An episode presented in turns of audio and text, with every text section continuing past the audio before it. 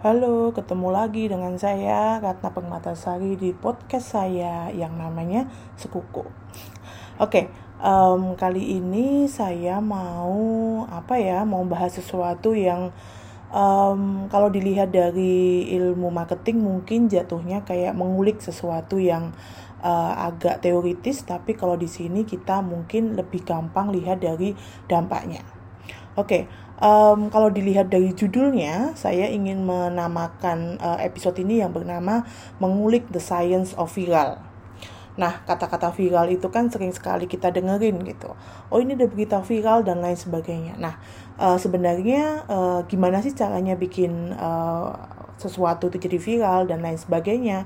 Nah, di sini saya akan coba um, membedah uh, di mana saya sebenarnya di sini mendapatkan insight dari materi uh, yang ditulis oleh uh, Bapak Ignatius Untung. Uh, beliau adalah praktisi marketing dan behavioral science yang tulisannya uh, berjudul The Science of Viral di majalah Marketers edisi bulan April 2021.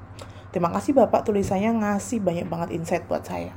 Oke, okay, uh, mungkin kita bisa sedikit uh, balik uh, ke beberapa waktu di mana sebelum pandemi uh, saya satu dua kali pernah mengikuti beberapa um, workshop, seminar atau diskusi dengan beberapa konten uh, apa konten kreator atau kemudian beberapa seminar yang benar-benar bahas tentang uh, bagaimana caranya bikin konten kreatif. Nah, ketika masuk dalam sesi tanya jawab, mulailah kemudian e, beberapa peserta bertanya, bagaimana sih kak caranya bikin konten untuk jadi viral? Dan ternyata um, banyak juga pertanyaan sejenis uh, untuk um, materi yang kurang lebih sama. Intinya bagaimana caranya bikin konten biar diomongin, biar kemudian langsung booming dan kalau ngomongin brand atau produk itu langsung dikenal oleh masyarakat seperti itu. Nah, um, beberapa atau hampir semua pemateri mengatakan bahwa viral itu hoki, viral itu keberuntungan saja. Dan saya uh, uh, setuju bahwa memang kalau memang uh, viral atau hoki itu kadang-kadang is about timing, jadi pas aja waktunya seperti itu dan dapat dikatakan memang untuk bisa dengan sengaja bikin viral uh, it, uh, bikin konten viral itu uh, pas gitu momennya itu kemungkinannya sangat tipis gitu. Jadi beberapa banyak yang bilang hanya 0,01 persen lah yang kemudian uh, dari konten yang kita buat untuk kemudian menjadi konten yang viral. Um, itu bisa kemudian kita lihat bahwa untuk membuat sebuah konten viral itu kalau disengaja itu sangat susah seperti itu. Yang kemudian benar-benar bisa membuat orang lain atau audiens itu menengok apa yang kita buat. Nah, Um, tapi kemudian setelah saya membaca artikel ini, di mana kemudian uh, artikel ini mencoba membedah formula bagaimana membuat konten viral dan faktor apa saja sih yang uh, bisa membuat konten itu menjadi viral. Nah, um, sebelum kita bahas detail tentang apa itu uh, um, apa saja yang kemudian bisa membuat viral, mari sedikit kita menilik sejenak apa sih arti kata viral. Menurut Kamus Besar Bahasa Indonesia KBBI, viral memiliki definisi adalah menyebar luas dengan cepat bagaikan virus. Jadi biasanya kalau udah viral, nanti beberapa waktu yang kurang lebih nggak lama, eh, kita bisa katakan 1 sampai 2 hari bahkan ada yang kemudian menjadi trending topik entah di Twitter dan uh, pembicaraan di beberapa platform. Nah, um, itu yang kemudian kenapa viral itu ada kaitannya dengan waktu karena memang uh, harus cepat. Kalau lama nanti uh, itu namanya udah nggak viral seperti itu. Oke, kita masuk dalam formula pertama. Formula pertama ini yang sering diyakini bisa menjadi ramuan manjur untuk membuat konten viral adalah unexpectedness, sesuatu hal yang tidak disengaja atau ketidaksengajaan. Nah, ketidaksengajaan ini yang kemudian e, menarik untuk kemudian diangkat menjadi konten karena e, yang namanya nggak sengaja nggak ada yang tahu. Nah, kita tahu bahwa di beberapa negara termasuk Indonesia e, kalau dengar kata e, mujur, untung dan lain sebagainya itu menjadi sesuatu yang menarik. Untung aja kemarin nggak jatuh dan lain sebagainya.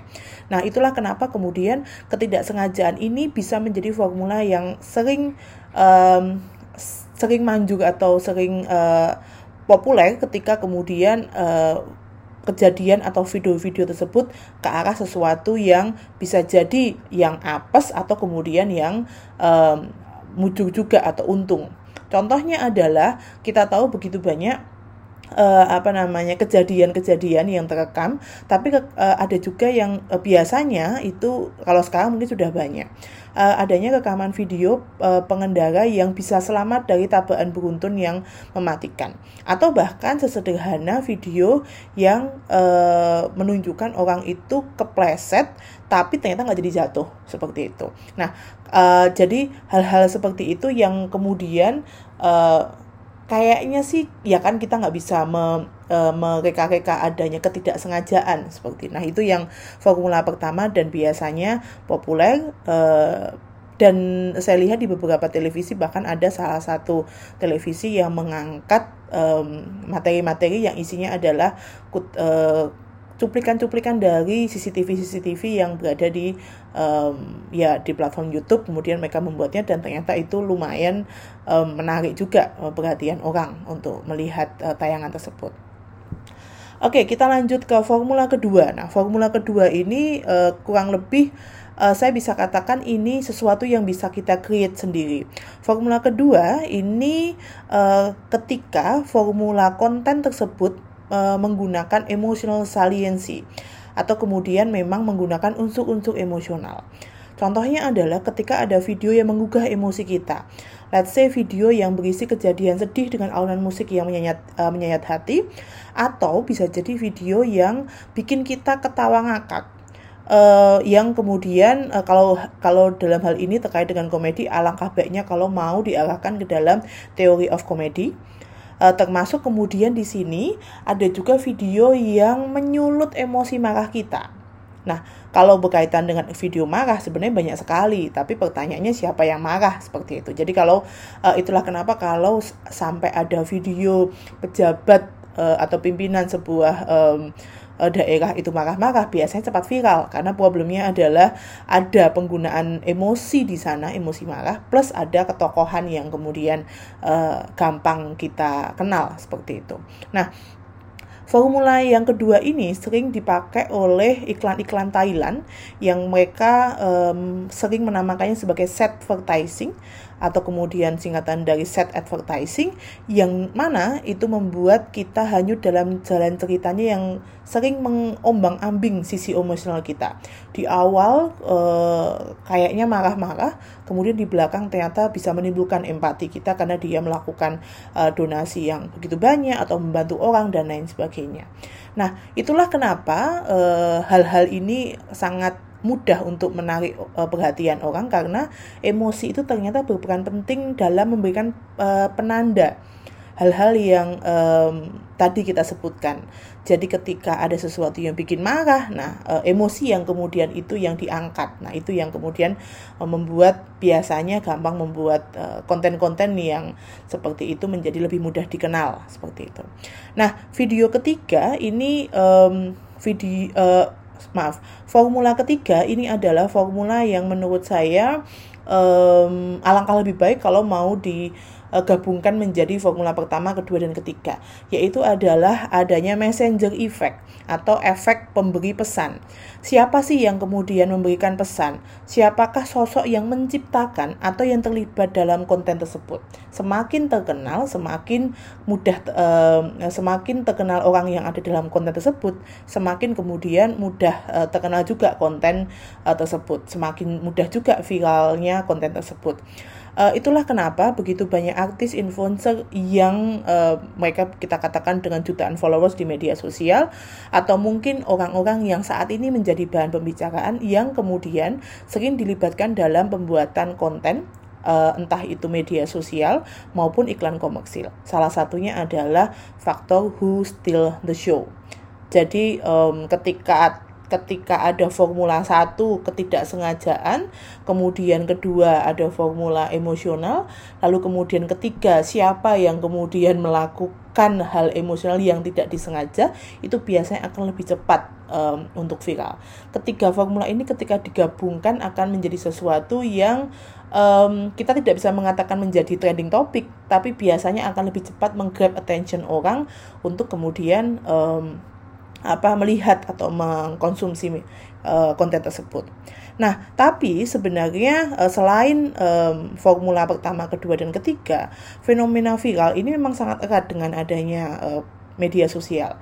Dulu sudah ada konten prank, konten uh, menyayat uh, hati gitu. Tapi karena media sosial belum ada sehingga uh, masih kelihatan biasa-biasa saja. Nah, dalam uh, bukunya Continuous uh, yang ditulis oleh Jonah Berger uh, memperkenalkan istilah social currency di mana ini menjadi salah satu komponen konten viral. Um, di mana pada akhirnya konten yang menarik bagi orang lain itu bisa meningkatkan social wealth atau kekayaan sosial atau pengakuan sosial seseorang ketika dia membagikan uh, kepada orang lain. Nah, konten-konten yang tadi memicu emosi baik yang senang, sedih, termasuk tadi yang membuat marah-marah akan memang lebih uh, lebih apa ya lebih baik atau lebih um, kita rasakan uh, emosinya ketika kita itu menikmatinya dengan orang lain. Jadi we share uh, our apa ya interest gitu. Kita lagi seneng sama konten ini kita biasanya membagikan dengan orang lain. Nah proses kemudian membagikan um, konten-konten emosional ini ternyata uh, tidak lepas dari adanya mekanisme fisiologis yang diproduk yang diproduksi oleh hormon sosial kita, sosial hormon yang bernama hormon oksitosin. Di mana pada akhirnya ketika kita membagikan um, konten tadi yang kita sukai tadi ternyata menimbulkan perasaan yang menyenangkan. We feel good Uh, jadi ketika kita merasakan um, perasaan tadi yang menyenangkan tadi itu terjadi ketika kita membagikan. Nah, itulah kemudian kenapa uh, proses uh, membagi konten-konten viral yang cenderung emosional dan uh, hal-hal uh, tadi unexpected tadi itu terus-terusan terjadi karena memang dari situlah uh, tidak bisa dipungkiri adanya hormon oksitosin yang uh, masuk ke dalam tubuh kita karena kita merasakan sesuatu yang menyenangkan ketika kita membagikannya ke orang lain entah itu bisa ketemu langsung bisa kemudian membagikannya di beberapa platform media sosial. Nah, tapi sebenarnya hal-hal tersebut itu perlu kita um, perlu kita apa ya bagi uh, bagi pemegang brand atau merek atau kemudian bagi seorang praktisi sebenarnya uh, hal-hal tersebut perlu kita uh, diskusikan menjadi lebih uh, matang karena membuat konten viral itu memang sangat mudah membuat brand atau produk itu terkenal gitu. Tapi sebenarnya kita juga harus memperhatikan setelah uh, konten tersebut di launch atau dikeluarkan, bagaimana orang lain itu melihat brand kita, bagaimana orang lain melihat uh, brand kita tuh arahnya ke mana sih, kontennya kok kayak gini tapi brandnya seperti ini, value brandnya kok beda dengan yang sudah uh, dikeluarkan dari konten tersebut. Nah, itulah kenapa kemudian hati-hati atau perlu kemudian perhatikan dalam membuat konten yang um, arahnya ke sesuatu yang emosional karena uh, satu konten viral saja itu memiliki kekuatan hebat yang masuk dalam otak kita yang kemudian akan bisa diingat uh, oleh seseorang atau audiens uh, dalam waktu yang cukup lama seperti itu. Jadi bisa jadi uh, kalau uh, kalau memang konten viralnya itu significantly uh, memberikan dampak yang bagus itu sangat bagus. Tapi kalau kemudian memberikan dampak yang nggak bagus bisa jadi orang lain mengasosiasi mengasosiasikan um, produk kita atau brand kita itu dengan konten yang viral tadi yang mungkin di pasaran atau di um, kenyataannya tidak um, sesuai dengan bayangan kita seperti itu. Karena pada akhirnya um, audiens itu akan mengingat merek itu atas sesuatu yang sifatnya konsistensi.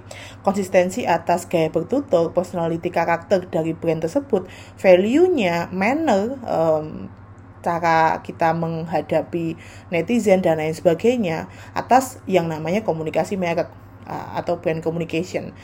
Karena memang pada akhirnya ketika berbicara tentang brand, berbicara tentang merek, uh, kita sedang bicara tentang konsistensi. Um, kayaknya itu dulu nih um, pembahasan tentang the science of viral.